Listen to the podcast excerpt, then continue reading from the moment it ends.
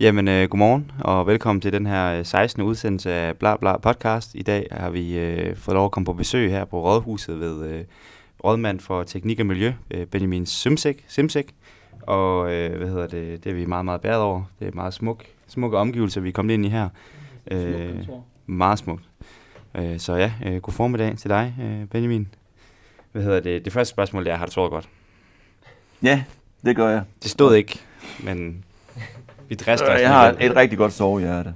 Og uanset øh, om verden bryder sammen, så går det ikke ud over min søvn. Okay, ja. Det, det, det, det, det, det er fedt. Ja, byen brænder, men ja. øh, du ligger bare... Øh, ja. Intet går ind i mit hoved. Altså, min søvn, den, den, den, mm.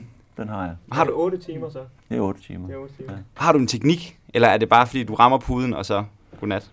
Jamen, der er en, der har sagt til mig en gang, at når, når hovedet bliver træt, og hjernen bliver brugt, så bliver kroppen også træt, og så sover man godt. Hmm, okay, så det, du gør det, det, teknikken er simpelthen bare at være en boss. Ja. ja. Teknikken er at bruge hovedet mm, til hverdag. Mm, mm, jamen helt sikkert, ja. helt sikkert. Okay, ja. Men uh, det vi jo skal sådan, snakke om mere overordnet dag, det er jo sådan det her tema om byggeri i Aarhus og fremtidens byggerier i, i Aarhus. Uh, et emne, der ligger nærmest alle aarhusianer rigtig meget på sinde. Alle vil gerne have lov at bo i en smuk by og i en by med, med kan man sige, bygninger, der er uh, både funktionelle, men også æstetisk uh, appellerende. Øh, men øh, jeg vil alligevel prøve at starte med at spørge, hvad er den smukkeste by, du har set, og hvorfor? Og du må selvfølgelig, vi ved jo godt, at Aarhus vil være din nummer et, men den, den, den må altså ikke være med her, det er for kedeligt. Ja, og når I nu har udtaget den smukkeste by, Aarhus, så bliver det jo den næst smukkeste ja. by, jeg skal pege på. Øh, og der har jeg sådan lidt tænkt, at jeg har rejst rigtig meget øh, i kraft af at have været inden for luftfart øh, i ni år, så jeg har besøgt rigtig mange lande og rigtig mange byer men øh, kom tilbage til Istanbul, øh, som jeg kender rigtig godt. Og, og så tænkte jeg, hvorfor er det, jeg synes, Istanbul er den smukkeste by øh, efter Aarhus? Øh, det har noget at gøre med beliggenhed. Mm. Først og fremmest beliggenhed. Det, der gør Aarhus øh, som den smukkeste by, som vi ikke må tale om, det er beliggenhed. Og det, at Istanbul ligger ud til et stræde, ud til havet, ud til vandet og, og har de her naturskønne områder, men også er en by, som er vokset kolossalt på, på ganske, ganske kort tid til at være mange, mange, mange millioner by, uden at man på forhånd som øh, politiker har lavet byplanlægning eller infrastruktur, men har måttet gøre det senere hen. Mm. Der er nogle paralleller til Aarhus, øh, uden at vi kan sammenligne os på størrelsesforhold, men det, at man har lavet kollektiv trafik, øh, metro, letbane, BAT og, og investeret i fremkommeligheden, efter byen er blevet stor, og har leveret på det, samtidig med, at man har været omkring de store pladser, de store grønne områder, men har en stor grøn dagsorden i forhold til at værne om træer og beskytte træer, som næsten er hellige. Øh, øh, og så beliggenheden mellem Asien og Europa.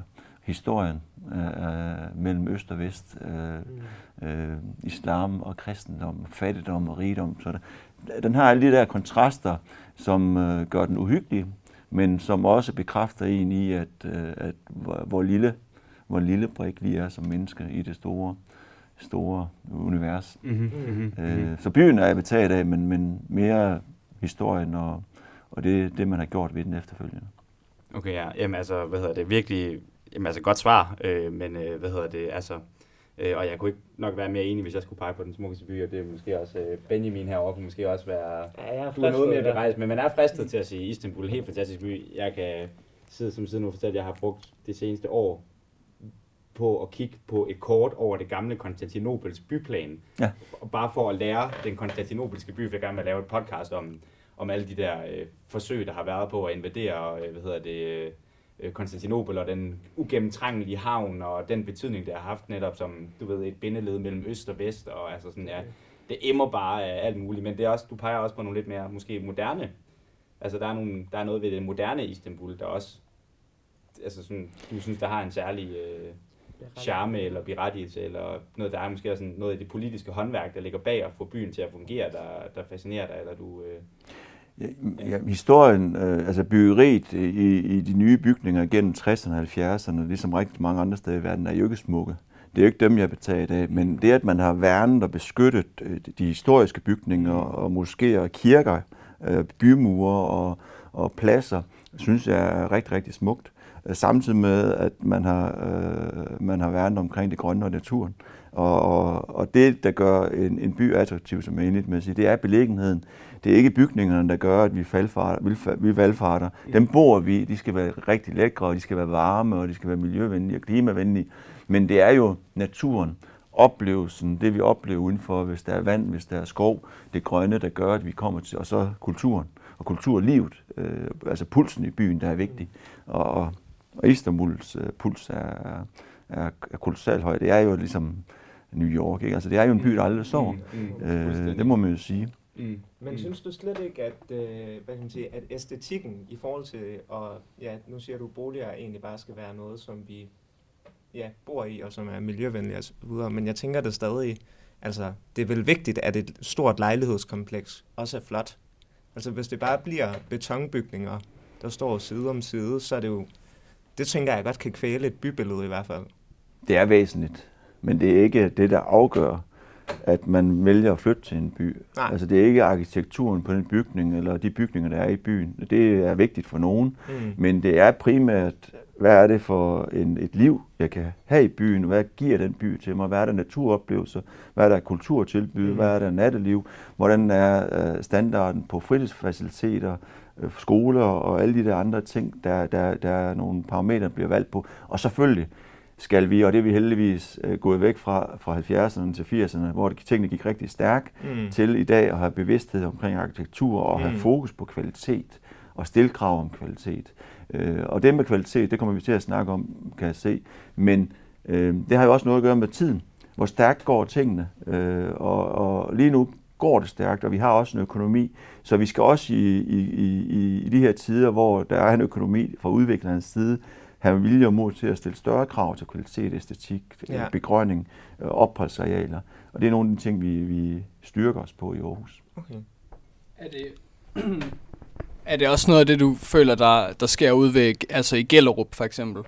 Øhm, jeg, jeg synes i hvert fald selv, når man er, går derude nu, så har det ændret, billedet har ændret sig sådan øh, ret markant fra at være blok om blok om blok, side om side, til at ja, de har jo blandt andet lavet det der hul i den ene, øh, og etableret parken der i midten, øh, hvilket jeg i hvert fald selv synes hjælper. Øh, ikke der, fordi jeg synes egentlig, at stemningen altid har været god derude, men sådan for øjet, det er ligesom, det kan godt blive lidt tørt at se på, nemlig med alle de der gamle blokke side om side. Ja.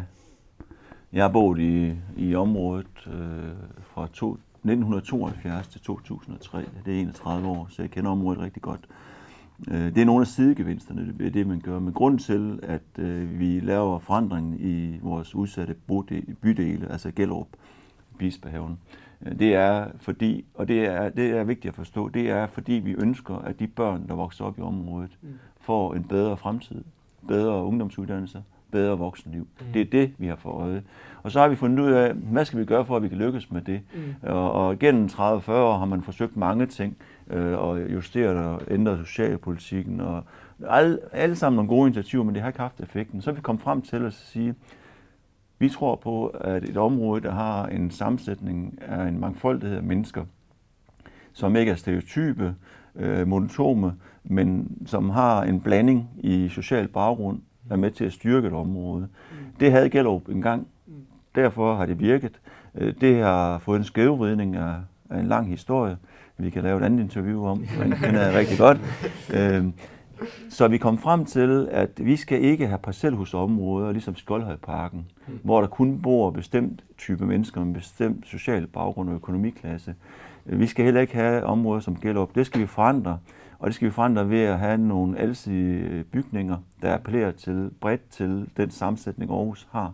Så vi skal have blandet boligområder, hvor vi har rækkehus, hvor vi har parcelhus, mm. hvor vi har almene boliger og det er vi på vej til at forandre Gellerup til. Mm. Både, og det kommer til udtryk på æstetikken, fordi at vi vil gøre op med etageboligbyggeri, det vil vi fortsætte her, men vi vil have tæt byggeri, vi vil have rækkehuse, mm. og vi vil have parcelhuse i området, fordi så tror vi også på, at vi kan fastholde nogle af de øh, ressourcestærke familier, mm. uanset hvad baggrund de har, fordi vi, vi har ikke noget mod deres baggrund eller deres religion, eller hvem de er, men vi ønsker egentlig at fastholde de ressourcestærke til at blive boende i området, og det kan de gøre, hvis der er den bolig, de gerne vil have. For den bolig i dag, den finder de i Tilst. Ja. eller i Helenlyst.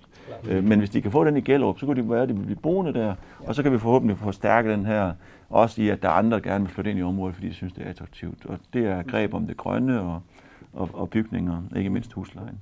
Mm. Og det har du så fået, kan man sige, et helt øh, unikt øh, hvad hedder det, ansvar for, i øh, form af, at du har ligesom har tiltrådt øh, den her... Øh, ja, hvor, lang, hvor længe har du egentlig været rådmand for teknik og miljø nu? Jeg har været øh, rådmand samlet i, i ni år, Mhm. mm-hmm. øh, og øh, de cirka fem år har jeg været øh, børn- og unge rådmand, Ja, ikke? Ja. og øh, nu fire år øh, som teknik- og miljørådmand. Mm-hmm. Og når jeg, øh, perioden er færdig, så har jeg været teknik- og miljørådmand i fem år. Fem år, okay ja. Og øh, hvad hedder det? Ja, altså nu ved jeg, at du har jo faktisk en baggrund ikke som bygningskonstruktør.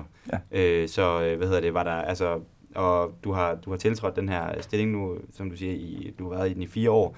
Øh, og øh, jamen for det første, altså var der var der ligesom øh, var det ligesom var det for dig drømmejobbet på den måde, du gik ind i politik, at det var ligesom at du skulle komme til at arbejde med noget, hvor du kunne bruge din øh, din uddannelsesbaggrund og så også to, altså hvad, hvad altså sådan jeg synes bare, det er en meget sådan sjov, øh, meget sådan konkret politisk ting at sidde med på en eller anden måde, byggeriet i en by, ikke? Altså det, du ved, man kan selvfølgelig godt diskutere det frem og tilbage, og det er også, men det er alligevel at the end of the day, du ved, you need some bricks, you need some, du ved, engineering, bla bla bla.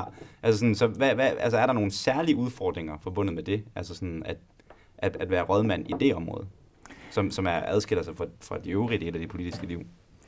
Ja, det er der. Altså, jeg har ikke en drøm om at være teknik- og miljørådmand, der gik ind i politik. Det var nogle andre årsager. Øh, jeg har en uddannelse som bygningskonstruktør tilbage i 93, men aldrig arbejdet som bygningskonstruktør.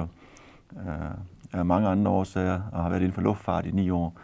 Øh, Men da jeg gik ind i politik, øh, så er det mest øh, for at være med til at påvirke den by, jeg elsker, som min familie kom til i, i 70'erne, øh, og, og præge den retning, jeg tænker. Øh, Øh, og det er bredt set, men det har været vigtigt for mig i forhold til min etnicitet, ikke at være indvandrerpolitiker eller have primær fokus på integration, hvilket vil være naturligt, fordi det ved jeg rigtig meget om. Så det beskæftiger jeg mig også med, men, men derfor har jeg også øh, været fokuseret i at, at gå ind i økonomiudvalget og, og være med i socialudvalget, fordi at, øh, jeg gerne vil dække bredden i, i politik. Øh, men når man så er rådmand for teknik og miljø, øh, et af de største udfordringer, der er forbundet med at være rådmand, det er, det tid. Øh, og det vil alle, alle hvad skal man sige, øh, topledere i Danmark sige, det vil mine byrådskollegaer også sige, og det vil de andre rådmænd og borgmester også sige. Så tid er altid en faktor. Men, men det, der gør særligt tid som en udfordring øh, for teknik- og miljørådmænd, det er, at, at vi har cirka 60 procent af alle sager, der skal i byrådet. Og hvis man ser byrådets dagsorden, som består af 40, 45, 30 dagsordenpunkter hver 14. dag, øh, og det er jo ikke det eneste arbejde, man laver, men alene bare kommer et eksempel derfra, så har vi cirka 60 procent af sagerne, der ryger derned. Og jeg skal læse baggrundsmateriale, forberede sagerne, læse indstillingerne, godkende dem, så jeg kan stå ind for det. Mm. Så der er et kæmpe stort øh, læsepensum. Øh, Og jeg skal også være, det er så et krav, jeg stiller dem til selv, inde i detaljerne på parat viden, så jeg kan forklare og debattere dem. Og, og det gør jo, at øh, det gør det som noget særligt. Nu har jeg været børn- og ungerådmand, og der sender man måske 10-12 sager om året til byrådet. Og det er måske, hvad vi har på dagsordenen mm. på et byrådsmøde.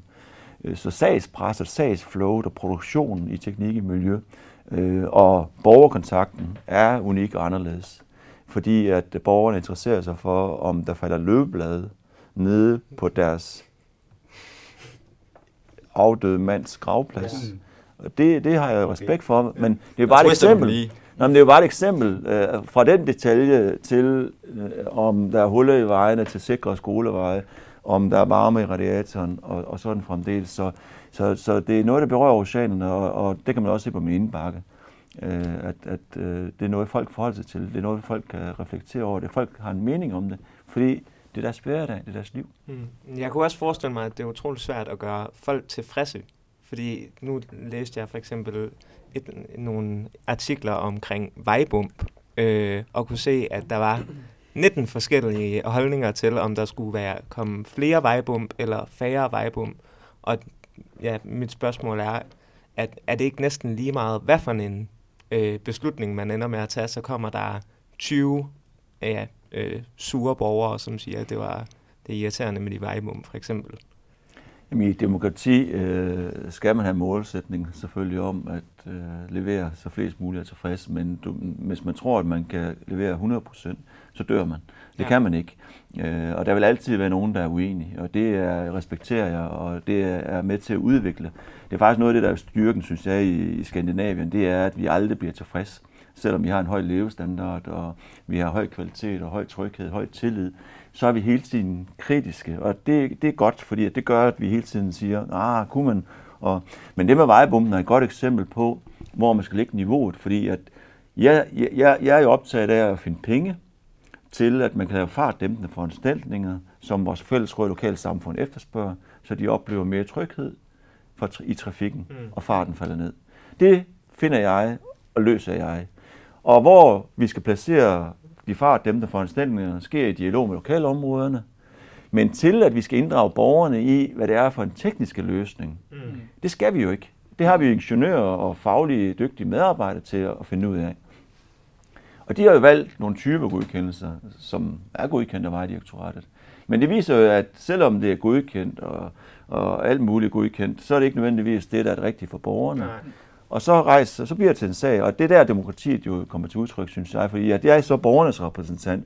Fordi vores fagfolk og ingeniører kan jo godt skrive sig ud af at sige, vi har ikke gjort noget forkert. Mm. Det er godt, det er rigtigt, mm. at se, hvad direktoratet siger. Alt er godt, men i demokrati er jeg jo borgernes repræsentant, skal lytte til deres utilfredshed i deres lokale og samfund. Så derfor har jeg sagt, at det kan godt være, at det er den tekniske rigtige løsning på skrivebordet, mm. men vi vil gøre, som borgerne vil have. Ja. Og nu er vi i gang med en proces, hvor vi skal høre, hvad de synes osv., så, så træffer jeg en beslutning om det. Øh, men, men jeg oplever, øh, og jeg, jeg skal også passe på, det vil jeg gerne indrømme ærligt, at jeg skal også passe på at ikke blive fanget af den der øh, utilfredse klage, negative dagsorden, der fylder meget i min indbakke. Mm. Det er jo dem, jeg ser. Øh, og for at sammenligne det, så ser jeg jo først, og det gør byrådet også, vi ser først øh, og fremmest en lille brøkdel af sagsproduktion, for eksempel i byggetilladelser. Vi giver omkring 5.500 byggetilladelser om året. Og det er, en få, det er få, der klager sammenlignet med mængden. Ja. Så ja, man skal hele tiden holde op imod, okay, der bliver lavet fejl, der er utilfredshed, men hvor stor er den utilfredshed i forhold til mængden? Ja, ja så hvis så, der er 5.000 klager. Ja, så, så, så jeg vil sige, at den, den, den, der er også et spørgsmål om det. Så utilfredsheden er egentlig forholdsvis relativt lille. Mm. Øh, fordi at alt, hvad der kommer til det politiske bord, hvilket det skal, det er jo fordi, at der er nogen, der ikke er enige. Ja. Og så skal vi som borgernes repræsentanter afgøre det i byrådet. Så når byrådet også siger, at der er for mange øh, bygninger, øh, der bliver øh, revet ned, eller der er utilfredshed, så det passer ikke deres billede bliver bare tegnet af, at de kun ser klagesagerne. Mm. Fordi at alt, hvad der er tilfredshed med, ja, det, det kører bare videre. Ja. Det kommer aldrig til byrådets.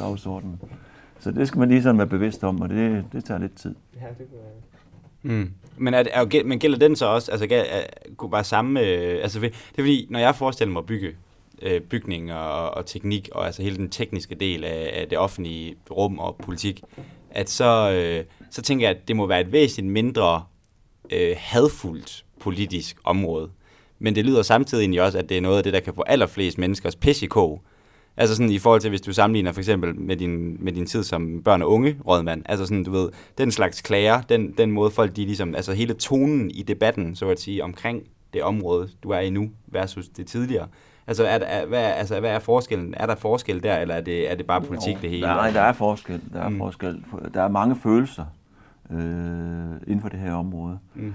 Øh, og så oplever jeg også, at, øh, at øh, når en pædagog eller en, en folkeskolelærer, eller øh, når du nævner det eksempel, kommer med en faglig vurdering, så er der større respekt for den faglige vurdering der, mm. end der er respekt for en ingeniørs og en arkitekts faglige vurdering. Øh, den er der en mere øh, stringent opfattelse af, at øh, den har, kan man selv udfordre. Den ved man mere om som borger, fordi man færdes i trafikken. Eller man ved mere om de tekniske løsninger i infrastruktur. Og, og, og jeg skal ikke sige, hvem der er klogest, øh, men, men jeg, jeg har stor respekt for den person, der har brugt øh, mange år på at studere og tage en uddannelse inden for sit felt, og har erfaring, og som er professionel, mm. vægtet op imod borgerens mening, som jeg også skal holde og respektere og, og enhver kan ikke vide lige så meget som mennesker, der arbejder 37 timer om ugen inden for deres felt. Mm. Det kan jeg heller ikke som rådmand. Mm. Og det skal man bare være bevidst om. Øh, men, men det er jo det, der gør det sjovt. Det er ligesom fodbold og håndbold. Mm. Ikke? Altså, når jeg er tilskuer på, på, på Aarhus Stadion, øh, så er jeg også klogere end dommeren. Mm. Ja, ja. Men ja, ja. det er helt klart, at dommeren ved mere om reglerne, end jeg gør. Mm. Det ved jeg jo godt. Mm. Men, men det er jo det, der, der, der gør, at uh, den her intensitet er der, og, og det kommer jo engagement. Mm. Og så ser jeg også borgernes måde at udtrykke sig på. Det er fordi, at de har ejerskab af byen, og mm. de føler, det er deres, mm. og det vil jeg være med til at påvirke, øh, og det gør de. 100 mand, og det, på den måde er det jo for helvede øh, demokratiets sprog, ikke, der taler jo. der. Jo. Men altså, der er der noget lidt ironisk i det faktum, at du ved, øh, og hvorvidt øh, der er nok striber i fodgængeroverfeltet, det kan få folks pis mere i kog, end øh, hvorvidt deres børns fremtid bliver varetaget på en ordentlig måde, ikke? Altså. Og det viser også lidt omkring, at øh, vi har et uh, unikt velfærdssamfund, hvor vi har løst rigtig mange af vores uh, problemer, uh, som, uh, som skal gøre, at vi lever et godt liv. Og det gør vi. Og når vi har løst de basale, så begynder vi jo egentlig at være fokuseret på nogle andre ting, som er nogle små detaljer. Mm. Og det gør ikke noget. Uh, men det er der, vi er i vores samfund. Og det er egentlig bare en anerkendelse af, at vi har et uh, super godt velfærdssamfund. Sådan, det tænker jeg i hvert fald hver gang, når jeg så tager til Istanbul for eksempel, og ser mm. på, hvad det er for nogle udfordringer, borgerne der har der er det ikke striberne på, på, på, på asfalten, men om de får noget at spise i aften for nogen. Ja. Der er det vigtige. Mm. De har slet ikke tid til det. Og det er ikke den, fælles, eller, øh, den laveste fællesnævne, vi skal tage udgangspunkt i, men det er i hvert fald vigtigt for mig hele tiden at, at sætte, det, sætte det i perspektiv, øh, de udfordringer, vi har. Mm. Nu hopper jeg måske lidt over i en anden slags boldgade, lidt lettere håndgribelige spørgsmål måske at svare på. Øh, og det er, hvilket fremtidigt byggeprojekt du er mest hyped over sådan her i Aarhus? Altså nu har der været, hvad kan man sige, Aarhus Ø er ved at føler jeg hele tiden, der bliver bygget på, og der har været dokken og så videre. Er der noget nyt spændende på færre? Der er rigtig mange spændende på færre. Altså, nu nævner jeg bare Amtssygehusgrunden øh, som kommunen ejer. Øh, det ligger centralt beliggende, fantastisk. Øh, det kommer i spil øh, her snart. Hvad skal der ske øh, på det felt? Øh, godsbanen øh, bliver øh, der yderligere sat gang i de etapper, der er et kæmpestort øh, bynært område. Øh, Katrinebjerg, hvor hele universitetsmiljøet og uddannelserne øh, er koncentreret om, sker der kommer til at ske forandringer, øh, og alt sammen det er officielle planer der er gængse. Og så er der alle dem, der ikke er, er kommet frem i lyset endnu, som er i pipeline. Øh, og når man, tror, når, man tror, ja, når man tror, man er færdig, øh, så, så finder man ud af, at man måske først lige er begyndt. Af, og, og, og Aarhus er i en kolossal øh, forandringsproces. Men når jeg skal nævne et projekt, øh, så nævner jeg et projekt, jeg selv har været med til at, at skubbe i gang og, og, og sikre opbakning til. Øh, og det vil jeg gerne begrunde, det er hele marinløstområdet, altså mellem Tilst og det nye universitetshospital området.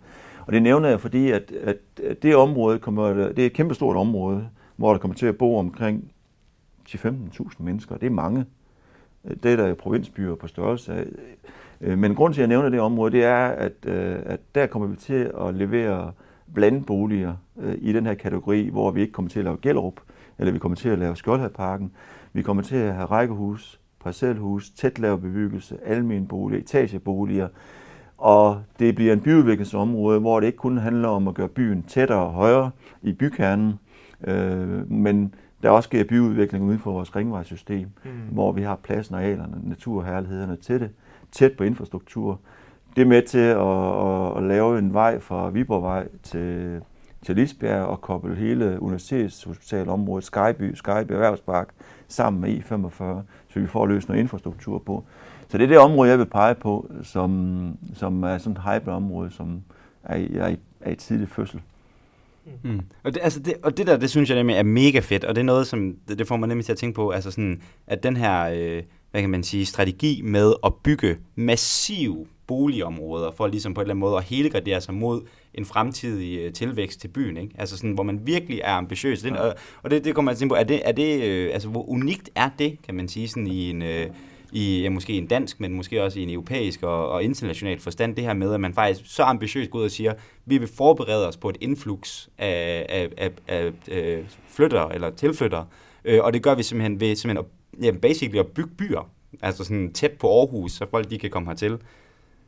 Det er et greb, der, der, der er kendt og anvendt rigtig meget internationalt, også i Danmark, okay. også i Aarhus. Man kan jo sige, at man har gjort det med Gellerupparken og Bispehaven. Mm. Man har bare kommet til at bygge alt for ensartet Jamen, det, er, det er jo et boligområde, ikke? Men det, det, det, det, synes men, du beskriver er jo nærmest en by, ikke? hvor man kan forestille sig, at der er en park, og der ja. er en lille købmand, og der er ja. kraftedeme øh, fodboldklubber det hele inde. Øh, du Idrætsfaciliteter. Ja, ja, præcis. Og, ja, fuldstændig. Mm. fuldstændig øh, men det handler, det handler også om ikke kun at tage imod tilflytterne.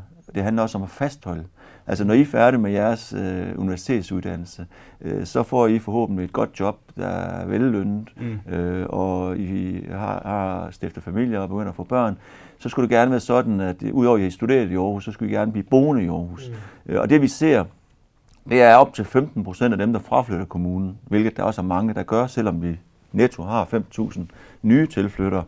Øh, så er der 15 procent, der fravælger at flytte fra Aarhus Kommune, fordi at den hyldevare, de efterspørger til deres bolig, den ikke er at finde i Aarhus. Enten sådan for dyr, fordi at øh, der ikke er bygget tilstrækkeligt, at markedet simpelthen er blevet ophedet, fordi at efterspørgselen er større end udbuddet. Mm. Øh, eller også så har den rækkehus, de gerne vil have, eller byggegrund, ikke kunne finde i Aarhus, og derfor har de købt den i Favrskov, Skanderborg, Horsens, Silkeborg, og der sker en fraflytning. Og det er gode skatteborgere, som er kommet i arbejde. Det er studerende også. Netto er studerende faktisk bedre at have boende, fordi at, øh, at de er med til at sætte en omsætning i forhold til den økonomi, de har.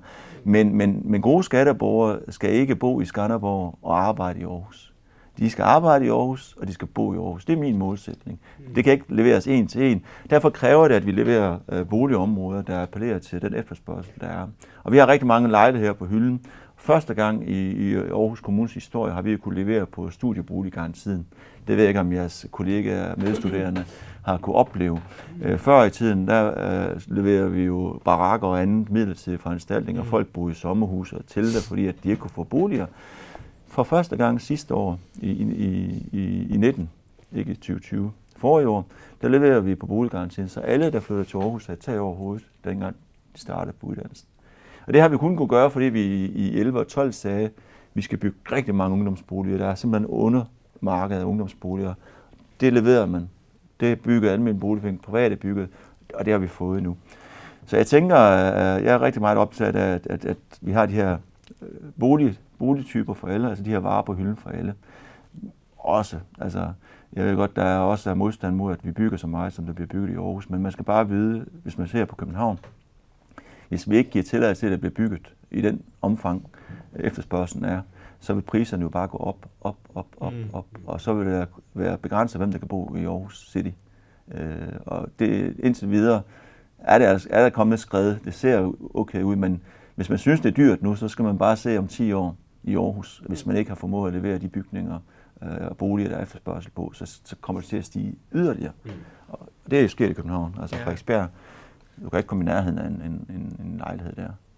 Hmm. Det er helt vildt. Men for at man kan, altså nu snakker du om de her nye byer, og jeg tænker, at noget, der er lige så centralt, er måske også øh, ja, transporten til de her byer, til og fra. Lige nu er der, hvad, der er bybusserne, og så er der letbanen. Altså bliver der også fokuseret på det? For hvis man skal bo helt ude i ja, det yderste af Aarhus, så skal det vel også før at man gider det, skal det være forholdsvis let at kunne komme ind til midten af Aarhus. Så jeg ved ikke, hvor meget I har i værks med det. Det er, det er i hvert fald et, et vigtigt spørgsmål, og, og jeg vil sige, at øh, vi, jeg har så boet i, i Aarhus siden 1972 og lige blevet 50 år. Tillykke. Tak. Øh, hvis man ser på Aarhus, øh, fra at vi i rigtig mange år var 250.000 indbyggere, til vi i dag er 350.000, 100.000 flere, så har byen udviklet sig primært på at give boliger, og boliger og boliger, men infrastrukturen har ikke været forberedt eller fulgt med. Mm. Så den er kommet bagefter. Øh, så vi er nødt til at udvise rettidig omhu og levere infrastrukturen, før væksten kommer. Men nu er væksten her. Den kan vi ikke gøre noget ved, fordi at, øh, der er nogen, der tror, og det vil jeg også godt slå fast, jeg har ikke en ambition om, at Aarhus skal være større. Mm. Jeg har ikke en ambition om, at der skal være 5.000 netto tilfælde til Aarhus. Jeg har ikke en ambition om, som målsætningerne siger, og prognoserne siger, at vi i 2050 bliver 450.000 indbyggere i Aarhus. Det er ikke min målsætning. Mm. Det bliver vi. Uanset om vi vil det. Altså, Ja, ja. Så hvis vi, stemte, øh, hvis vi besluttede i Aarhus Byråd, at vi vil ikke være større, det bestemmer vi ikke, fordi det bliver vi. Mm. Så hvis vi ikke leverer på det, så går det kun med, at, at huslejen bliver større og større, byg, øh, bygningens priser de stiger og stiger, og fremkommeligheden bliver dårligere og dårligere. Så det er fuldstændig rigtigt, at vi er nødt til at, at levere infrastrukturen og udvise ret til omhu. Og det er jo derfor, jeg har kæmpet for, at vi for eksempel i syd får Bænk Bedrevejen, som mangler som ringvej syd på E45. Vi udvider E, øh, Viborgvej øh, til fire spor. Vi får etableret BRT, kollektiv trafik på udvidelse af vores ringvejssystem, som er besluttet, det kommer i 27. Altså det vil sige, at vi udvider ringvejen med ekstra spor i hver retning. Ikke for biler og lastbiler, men vi gør det for den kollektive trafik. Mm. Og vi er nødt til at investere i den kollektive trafik mindst dobbelt så meget, som vi gør nu, for at vi kan levere på de løsninger. Min målsætning er, og det arbejder teknik og miljø med, at uanset hvor du bor i Aarhus Kommune, så skal du komme fra hjem til arbejde eller dit gørmål på 30 minutter. Max. Okay. Det er på cykel, det er i bil, og det er også kollektiv trafik. Og hvis vi skal levere, og vi har, altså vi har data, det er jo det, der er fedt ved, ved big data. Vi har alle de data, vi kan se, hvordan øh, de tider de er. Og der kører vi med den grønne, som er pædagogisk. At er den grøn, så leverer man på det. Er den Mm. gul, så er det kritisk. Er det rød, så er vi langt væk fra mål. Okay. Og der har vi lavet sådan en bikub-betegnelse over hele Aarhus Kommune, øh, hvor data bliver lagt ind på fremkommeligheden. Og der kan man jo se, at inden for ringgaden, helt naturligt, der kan man nå det. Ja. Det er ikke så stor afstand. Men jo længere du bevæger dig ud, jo sværere bliver det. Og for at løse den opgave, der kræver det, at vi investerer i den kollektive trafik, i infrastruktur, fordi at, øh, der er nogen, der, der siger, at de ikke vil investere i asfalt, fordi de tror, at det er kun biler, der kører på asfalt. Men Mm. kollektiv trafik kører altså også på asfalt, så det er nødvendigt. Øh, så mit budskab det er, det er, at vi skal investere i kollektiv trafik, hvor vi får mest muligt pengene. Så hvis du spørger mig, om det skal være letbane, BRT eller gule busser, så er svaret, der er vi, hvor vi får mest kollektiv trafik. Ja. Og så giver det sig selv, det får vi ikke på letbanen. Det får vi til dels på BRT, det får vi mest på gule elbusser. Og da jeg ikke har nok penge i kraft af, at vi ikke har olie i undergrunden af Aarhus, jamen så er min investeringsøje med, det er, at vi skal investere i den kollektiv trafik. Øh, Vi har lagt en plan frem for, at vi skal forbinde vores oplandsbyer, så alle oplandsbyer er forbundet med en cykelsti ind i det øvrige cykelstinetværk, der er i det indre by, for det er der. Således at man altid kan bruge i Sagebro eller Solbjerg, og så har man ikke en undskyldning for ikke at tage cyklen sikkerhedsmæssigt. Der er en cykelsti. Får vi leveret det, får vi leveret den kollektive trafik, og får vi opgraderet infrastrukturen, som kræver rigtig mange milliarder investering, jamen så leverer vi, og vi er bagud. Vi er bagud. Hvad med altså Lamborghini eller sådan noget? Kan man ikke øh, lave de busser? Altså sådan, er det, øh, er det noget, man kan overveje? Altså og simpelthen at bare også bare sætte øh, fart på... Et samarbejde mellem Ja, Aarhus Kommune ja, og Lamborghini, altså det kunne da også se godt ud i stiften. Ja, men øh, For dig, øh, for landkortet. letbanen er jo produceret af italienere, så jeg ved ikke, om, øh, jeg ved ikke, om øh, de er tæt på Lamborghini eller Ferrari, men øh, Ja, nu, øh, det var, jeg havde nemlig også tænkt mig også at lige at spare dig lidt mere ind til letbanen, men du kommer i forkøbet, øh, Benjamin. Men jeg, i, du siger, letbanen er ikke en... Det er ikke, i hvert fald ikke den bedste øh, del af, af den samlede løsning, i hvert fald den mest effektive i forhold til at nå så mange grønne områder på hele det her kort som muligt. Men, men hvad er sådan dine mere overordnede tanker om letbanen? Det var, det var øh, ideen med spørgsmålet, og øh, alle de sager, eller alle de sager, der har været i forbindelse med det, og det her med frostgrader, og sådan, der synes at være Løveblad. løbler. Altså, der er i hvert fald, nogen vil sige, at det var et skandaleramt projekt. Øh, andre, jeg vil nok sige, jeg er egentlig ret glad for den. Sådan, jeg kunne komme herned på 10 minutter fra Katrinebjerg. Det synes jeg, det var meget, øh, meget fint. Men, men hvad, hvad tænker du om hele det her letbane-projekt? Først øh, i, i letbanens forsvar. Øh, når ejerkredsen, øh, altså hvis du køber en bil, hvor du aktivt skal, skal tage stilling til, om der skal være aircondition i bilen som ekstra udstyr, eller der ikke skal være aircondition i bilen, og hvor du fravælger det af økonomihensyn. Den der, du så får leveret din bil, øh, så skal du nok ikke regne med, at der er en aircondition i. For du har ikke betalt for den, Mm, og du har fravalgt den. mm, Og på samme måde øh, er det med letbanen i forhold til ejerkredsen. På daværende tidspunkt, på grund af økonomien simpelthen skred, har man måttet spare på nogle tilkøbsydelser ekstra udstyr. Mm. Blandt andet i forhold til det med is. Ja. Så man har simpelthen sparet det forkerte sted. Mm. Så det er jo ikke fordi, at teknologien ikke er der til, at der kan løse den udfordring, der gør, at øh, den kan køre, også når der er frost. Og så nævner du selv, at du kom fra Katrinebjerg herind på 10 minutter. Ja, Og det er der, det er der letbanen nemlig er, er rigtig god. Letbanen er et godt transportmiddel inden for byer, inden for en bygrænse. Men hvordan er det, vi har brugt den i Aarhus? Der har vi gjort det, fordi Christiansborg sagde til os, I må ikke nedlægge Grenåbanen. Hvis I skal have en letbane, og I skal have penge for os på Christiansborg, så skal I overtage Grenåbanen, og I skal lave letbanetog og strøm til Grenåbanen og til Odder. Så det gjorde vi. Og hvor er det udfordringerne er, når man ser på letbanen? Den er på strækningen fra Aarhus til Grenå, fra Aarhus til Odder. Så på den indre strækning, altså den nye strækning, hvor man har lagt nye skinner til letbanen, som du kører på, Mm. der er der ikke problemer. Mm. Der kører den jo. Så letbanen er ikke et redskab, man kan anvende til transport mellem byer, som vi gør i Danmark. Letbanen er et transportmiddel, man bruger for at komme rundt i en by. Og hvis man skal satse på en letbane fremadrettet, så skal man have rigtig mange penge, for det er dyrt og ufleksibelt. Det har vi ikke i Aarhus. Derfor er det urealistisk at tro, at vi skal fortsætte det spor og så sige, at vi skal have letbanens anden etape, tredje etape, fjerde, femte, sjette, syvende. Kunne vi gøre det og anvise finansiering, så skulle vi bygge 10 etapper i Aarhus, og så var letbanen et supermoderne, højklasse kollektiv trafik, som vil være god og som vil være driftsikker. Det er jeg slet ikke i tvivl om. Mm. Men vi har ikke pengene. Vi har ikke pengene til at bygge anden etape. Og hvis vi skal bygge det på anden etape, så skal vi spare på de andre busser. Det vil sige, at det vil gå ud over borgerne i Sagebro Mm. og i Solbjerg, at der kommer en bedre betjening til Gellerup. Mm. Det er der ikke noget. Så Mm. i Göteborg, der har man gjort det i 60'erne og 70'erne. I stedet for at grave skinnerne op, så har man udbygget letbaneetapperne. I dag har man hulens masse etapper i Göteborg. Det fungerer. De har også pengene. De har bare bygget dem over De har bare bygget, længere tid. ja, de har bygget over længere tid, men de har også en anden økonomi, øh, som vi ikke har i Aarhus og i Danmark. Øh, så hvis man vil satse på letbanen, så skal man have rigtig, rigtig mange penge. Det har vi ikke, og det får vi ikke i Aarhus. Og derfor er man nødt til at slippe ideologien og drømmene og have realismen og så sige, de penge, vi så har, kan finde til en kollektiv trafik. Hvordan sikrer vi, at der får vi mest mulig kollektiv trafik for oceanerne? Det gør vi med det, der hedder BRT, som er en ny teknologi, der er kommet frem i kraft af, at batteriudviklingen sker så stærkt, at busser kan køre længere på en opladning, og, og sådan fremdeles. De har den samme komfort, øh, samme øh, behagelige måde at transportere passagererne på. De kører på strøm, de kan køre på ledning, de kan køre på batteri, de kan køre i eget tracé. Du får dobbelt så meget øh, kollektiv trafik på BRT, end du gør på letbane, og du får meget mere på gule busser og elbusser. Så vi er nødt til at sige til oceanerne, vi vil gerne have lavet en metro under hele Aarhus. Mm. Det vil være fedt. Så vil vi komme hurtigt frem.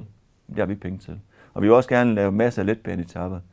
Det drømmer vi om, men det har vi ikke penge til. Mm. Så vi bruger pengene på det, vi har, det vi kan levere på. Så altså, jeg synes, at uh, letbanens første etape, nu har vi brugt pengene, uh, over 3 milliarder kroner, så det skal vi få til at fungere. Det skal vi få til at blive succes. Det bliver en succes inden for kommunens grænser. Men det bliver ikke en succes til Grenå. Mm. Der er ikke nok passagerer, og det er lange strækninger, som skaber teknologisk udfordring i forhold til, til strøm og is. Og det bliver måske en succes til, til Odder, det vil jeg ikke sige. Men det er bare nogle af de der, øh, hvad skal man sige, politiske dilemmaer og kompleksitet, man skal forstå i den der hurtige dagsorden på sociale medier, som er svær Ja. at forklare og i talesætte, hvordan det her det hænger sammen. Hvis jeg kunne bestemme alene, eller var borgmester og have flertal, og kunne få Christiansborg med på det, så vil jeg sige, og det tør jeg godt at sige, så vil jeg sige, at vi skal sløjfe strengen til Grenå.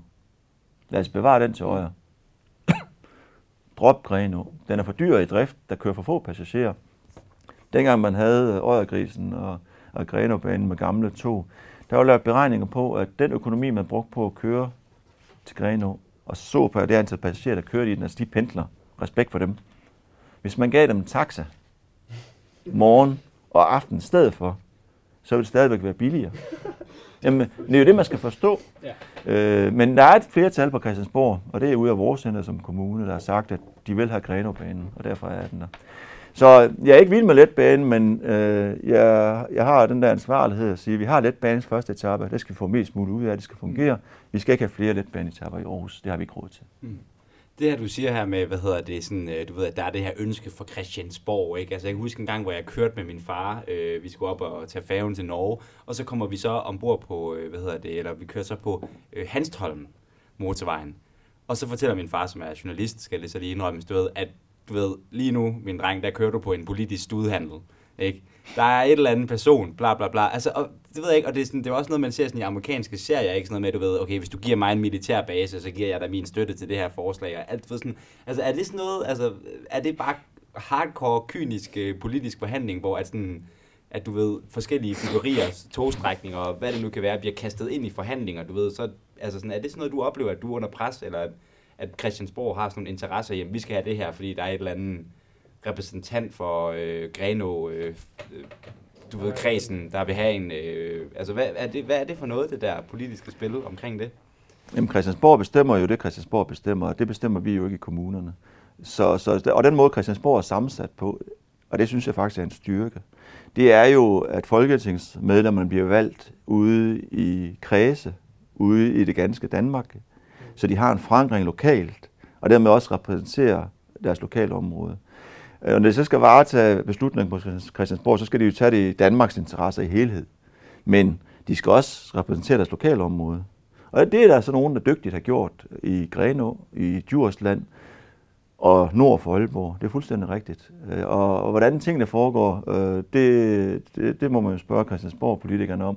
Men, men jeg synes bare, at det er dygtigt lokalpolitisk arbejde af de lokalvalgte MF'er, der har fået det igen. Ja, jamen, og respekt for det. Jamen, altså helt sikkert, men altså, hvad kan man sige, har man ikke lyst til at, at sige til de der, eller skrive dem op i hovedet, bror, at vi kunne give jer en taxa. Altså sådan, du ved, der må være et eller andet, der, der er et eller andet, som, øh, hvad hedder det, venstremand, ikke, der gerne vil have, at øh, pengene, de skal passe og så videre, der på en eller anden måde må, må fornærme dig lidt over, at man på den måde i så høj grad fastholder en, øh, en, en økonomisk så urentabel øh, løsning. Jamen i demokrati er det, er det nogle gange ikke altid logikken og det rationelle, der, der er det dominerende i, i beslutningen. Der er nogle andre faktorer og parametre, der spiller ind. Mm. Sådan er det bare. Øh, alternativet er, er måske et diktatur. der er det heller ikke altid det rationelle, mm. der, der spiller ind, og det ønsker jeg i hvert fald ikke. Mm. Så jeg er rigtig glad for et demokrati, men man skal også bare være bekendt med, hvad, hvad, hvad betyder demokrati? Demokrati har nogle styrker og svagheder, øh, og det kan man have mange meninger om, men, men styrken er jo, at, øh, at, øh, at man har den gennemslagskraft som politiker, man, man har i en forhandling. Og, og, og vi plejer altid at sige i Aarhus, kan man tælle til 16 i Aarhus, fordi der er 31 byrådsmedlemmer, så har man flertal med 16, så kan man ophæve tyngdeloven. Mm. Vi er ikke så naive. Vi er ikke så naive, at man tror, at man kan gøre det, men det viser bare, at, at 16 er bare alfa og omega. Og kan du tælle til 16, så kan du, så kan du gøre hvad som helst næsten. Mm. Nu snakkede du om det her med ja, Christianborgs politik og så videre. Og ja, hvorfor lokalpolitik? Hvorfor, hvorfor tager man ikke det næste skridt og siger, nu er det Folketinget, og så skaffer jeg, så sløjfer vi den der Greno øh, ja, strækning for eksempel? Jeg har været stillet op til, øh, til Christiansborg og, og, og national politik i 2009 og 11, mm. øhm, og kom ikke ind.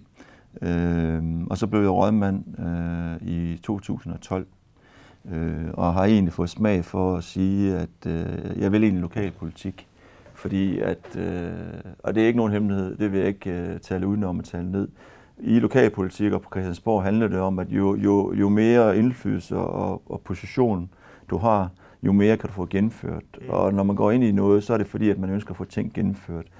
Øh, og med, med den indflydelse, jeg har som rådmand, og Venstres politiske leder på daværende tidspunkt, og det er jeg ikke nu, jamen så er jeg egentlig mere interesseret i at arbejde lokalt politisk, fordi at jeg kan se resultatet af mine beslutninger meget hurtigere, at det gør gavn mm. her, end hvis jeg kommer på Christiansborg. Christiansborg er rigtig spændende, men, men der går utrolig lang tid fra beslutning til udførelse og effekt, til at du kan sætte din underskrift på, at det var dig, der fik det gjort. Altså der, det, det, så jeg synes egentlig, at tilfredsstillelsen af at, at være med til at forandre, påvirke og se effekten af det arbejde, man udfører, det, det sker lokalt politisk. Og nu har jeg været øh, med i fem byrådsperioder, mm. altså godt og vel 20 år, når det her år er om. Øh, og da jeg kom ind i byrådet øh, første gang i 2002 og gik ind og så på Flemming Knudsen og, og alle dem, og, og jeg sagde, wow, ikke? det var de politikere, jeg læste om, mm. og så i tv, og som var de erfarne. Mm. Nu er det altså mig, der sidder der. Ja. ikke? På den, altså, de, de er der ikke. Nu er det mig, der sidder der, hvor de sad. Øh, så jeg synes egentlig, at det tager tid at få indflydelse, og den indflydelse, jeg har lokalpolitisk, kan jeg godt lide. Og så kan jeg godt være lide at være tæt på borgerne. At den der direkte i gang for, at jeg får en mail til, at jeg handler på den og gør noget. Og borgerne kan se det. Det, det, det tilfredsstiller mig. Ja. Det... Og det er både i detaljen, det er jeg ikke bange for at sige, for jeg er meget optaget af de små sager. Mm. Fordi at øh, man skal være visionær og have store ambitioner, store armbevægelser, det kan jeg også godt finde ud af. Men jeg synes egentlig, det der er interessant, det er, når fru Jensen ringer om hendes lille problem, og jeg kan gøre noget ved det. Og hun kan se, der skete noget. Det gør ikke noget for 1000 mennesker, det gør måske ikke noget for, for, for 100.000 mennesker. Men det, at fru Jensen kom igennem med mm. systemet i store Aarhus Kommune og fik løst, fordi at jeg hjalp hende, og fordi det er mit arbejde at hjælpe det kan jeg godt lide. Det, det virker. Ja, det er sjovt, fordi min mor, hun arbejdede i, hvad hedder det, PPR, da du var, hvad hedder det, ja. og arbejder stadig, ja. men da du var børn og unge øh, øh, rådmand. Og det var nemlig faktisk en ting, hun sagde, der var mærkbar ved dig, at det var noget, du kom ind, da du ligesom blev øh, hvad hedder det, leder af den institution, eller øverste ansvarshavende ja. institution. Ja. Det var netop, at du kom ind og sagde det her. Når borgerne har et problem, så send det til mig. Mm. Giv det til mig. Jeg vil vide, hvad det er, borgerne de rent faktisk henvender sig til jer omkring. Ja. Og altså, det kan man sige, altså det, det har jo måske også øh, nogle, nogle svagheder, eller måske, eller måske ikke, det ved jeg ikke, jeg kan ikke lige huske, hvad hun, hun påpegede ved det, men, men hun synes jeg i hvert fald, det var noget, hun rent faktisk mærkede, det der med, at det var, at det var en vision, du havde. Øh, er det, altså, og det får man så til at tænke på, altså sådan, det er fordi, okay, Aarhus er alligevel en forholdsvis stor by, ikke? Altså sådan, øh, altså, er, vil du sige, at der måske er nogle folk herinde i, øh, på de her saler, det er ikke fordi, du skal sidde og nævne nogen ved navn, men som måske er, er på den måde godt kan betragte det lidt mere som en Christiansborg-politiker kigger på det, altså sådan som, ja, det her det er et stort system, og du ved, vi, øh, du ved, det her, det, systemet kører lidt af sig selv, du ved, de enkelte henvendelser fra borgerne, det er sgu ikke øh, sådan, så vigtigt, fordi at det er de store, det er de store armbevægelser. Det må andre vurdere, tænker jeg, men, men jeg, jeg tænker, det er meget person altså afhængig, hvordan man er som menneske, hvordan man er som leder, og hvad det er, man arbejder, og den form. Fordi at det kræver tid. Man kan jo ikke være over det hele. Øh, men, men når man så finder ud af, hvad, hvad det gør af forskel, så er man nødt til at prioritere det. Øh, og, og det er der, jeg synes, vi lykkes. Det er jo, fordi systemet skal jo nok køre af sig selv alligevel. Mm. Altså, Aarhus Kommune skal jo nok køre, selvom jeg ikke sidder i rødmandsstolen. Mm. Altså, så, så jeg tror ikke på, at jeg efterlader et hul i glasset, øh, når jeg løfter fingeren op. Mm. Så naiv er jeg ikke. Mm. Men der, hvor forskellen vil være, det er det aftryk, jeg kan lave. Og det tænker jeg, det er på det borgernære. Øh, jeg havde en anden sag, for eksempel, når man, igen med effekten. Jeg havde en klage fra nogle borgere i et lokalt område, øh, som var utilfreds med øh, den vej, deres børn skulle gå i skole. De havde en anden hurtigere vej, så de ville godt have anlagt en, et fortog, så børnene kunne krydse et heldanlæg sikkert. Vores forvaltning var imod, at vi skulle lægge det fortog, for de havde tegnet på, hvordan børnene skulle bevæge sig. Mm. Og så fik jeg øh, brevet fra borgerne, og jeg fik et svarudkast, som jeg skulle skrive under på tilbage til borgerne. Så læste jeg vores svarudkast, og det var så kringlet, at jeg forstod ikke, hvordan børnene skulle gå. Mm. Så, så det, hvis jeg sendte det, underskrev det, hvilket var det nemmeste, mm. så ville borgerne heller ikke kunne forstå mit svar. Mm. Så jeg sagde til direktøren og forvaltningschefen, jeg synes, vi skal gå ud og besøge dem. Og så gå ruten, hvor vi så fortæller de børnefamilier, mm. og det fællesråd og grundejerforeningen, hvordan vi har tænkt planlægningen skulle foregå. Og så kan vi se på deres forslag fysisk. Mm. Og så prøve på at overbevise dem om, at vores er det rigtige. Så så vi deres forslag, fint, og så gik vi vores rute. Og da vi så gik vores rute og kom hen til en lydmur, der på vores papir på skrivebordet i rådhuset, i forvaltningen, der var der hul i den lydvæg. Men ude i virkeligheden, der var der kul. Så det var ikke naturligt for børnene at gå den rute, for der var ikke noget hul, de kunne komme igennem. Mm. Men det var der jo på vores tegninger. Mm. Men det viser bare, at den teori og det materiale, vi har, ikke altid nødvendigvis er det samme som virkeligheden. Så det er utrolig vigtigt at komme ud i virkeligheden og se virkeligheden.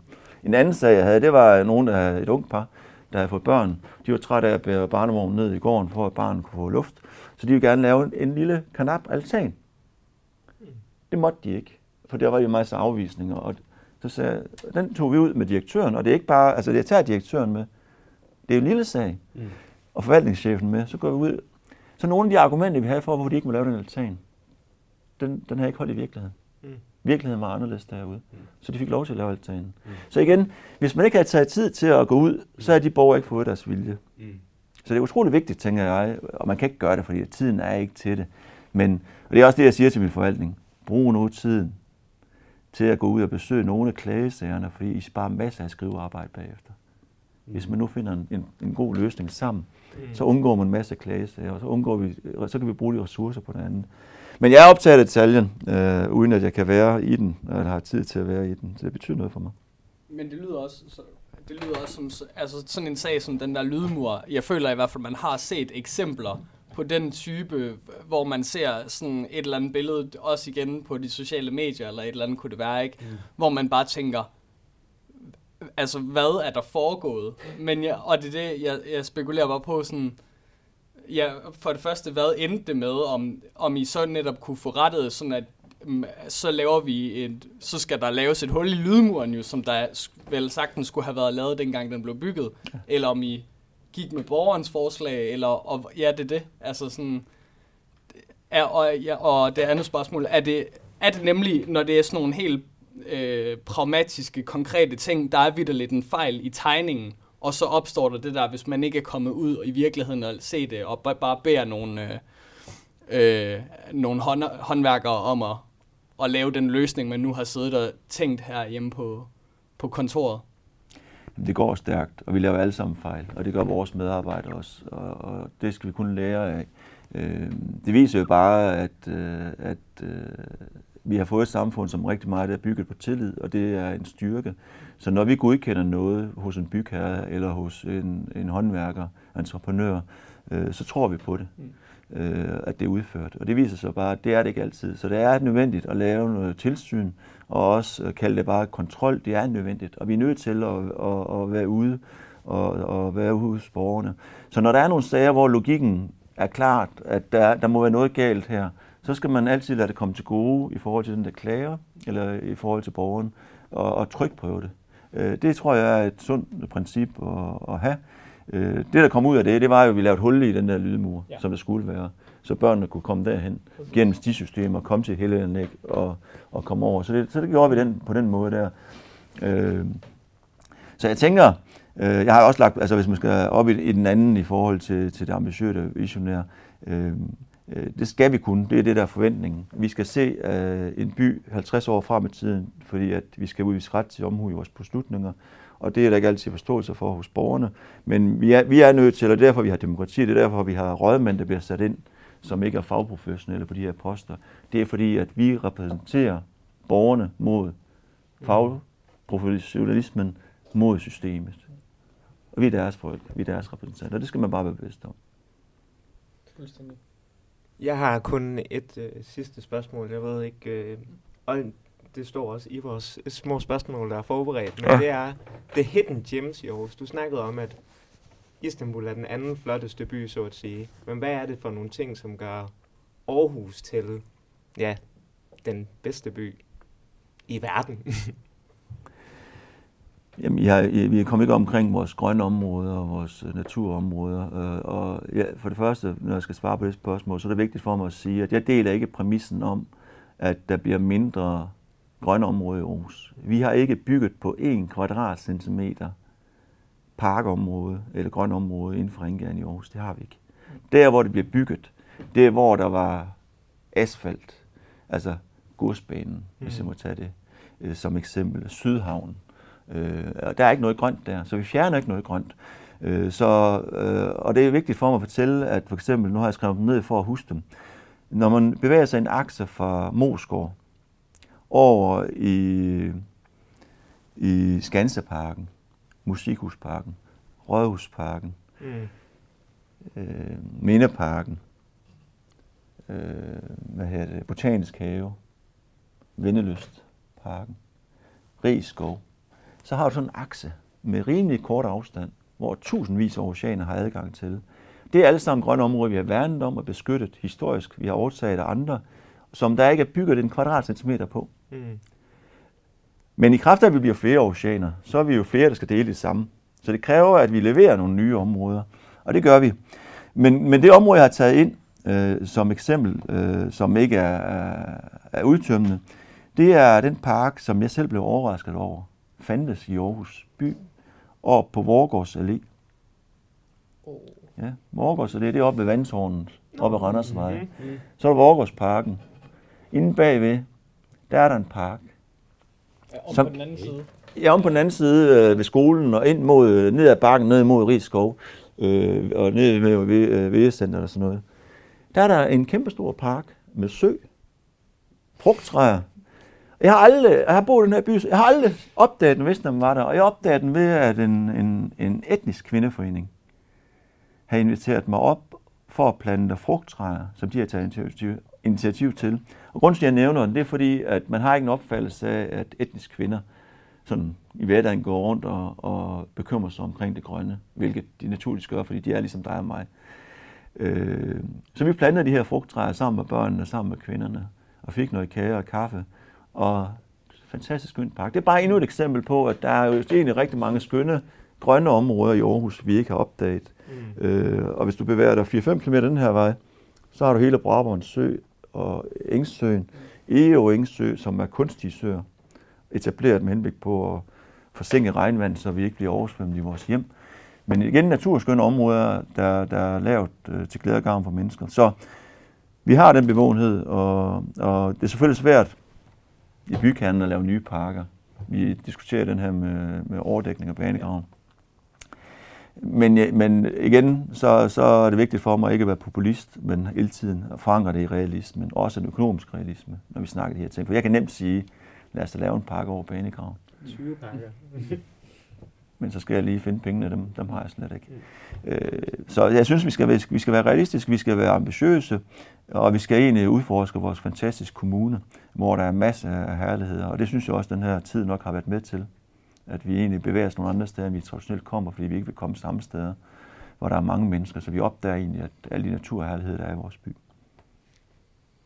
Jamen, øh, jeg synes, det er en øh, meget sådan øh, optimistisk øh, note at slutte det på, at øh, Aarhus er en by i vækst. Øh, du er en øh, mand i din øh, bedste vækst, og altså, det hele kører bare på en eller anden Ja, måde. det gør det. Så, Det gør det. øh, Realist. Ja, realist, men ja, præcis, præcis. Så øh, ja, jeg tror egentlig bare, øh, jeg vil sige tusind tak, fordi du gad at øh, være med til det her, øh, Benjamin. Men mindre der er noget, du, øh, Ja, du er noget, du har på hjerte her til sidst.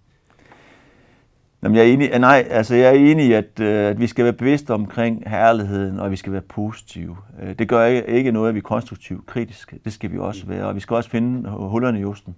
Men mit udgangspunkt er, at vi har en fantastisk by, og vi har et fantastisk samfund. Den skal vi i fællesskab spille bedre og gøre bedre, men vi skal ikke tale byen ned.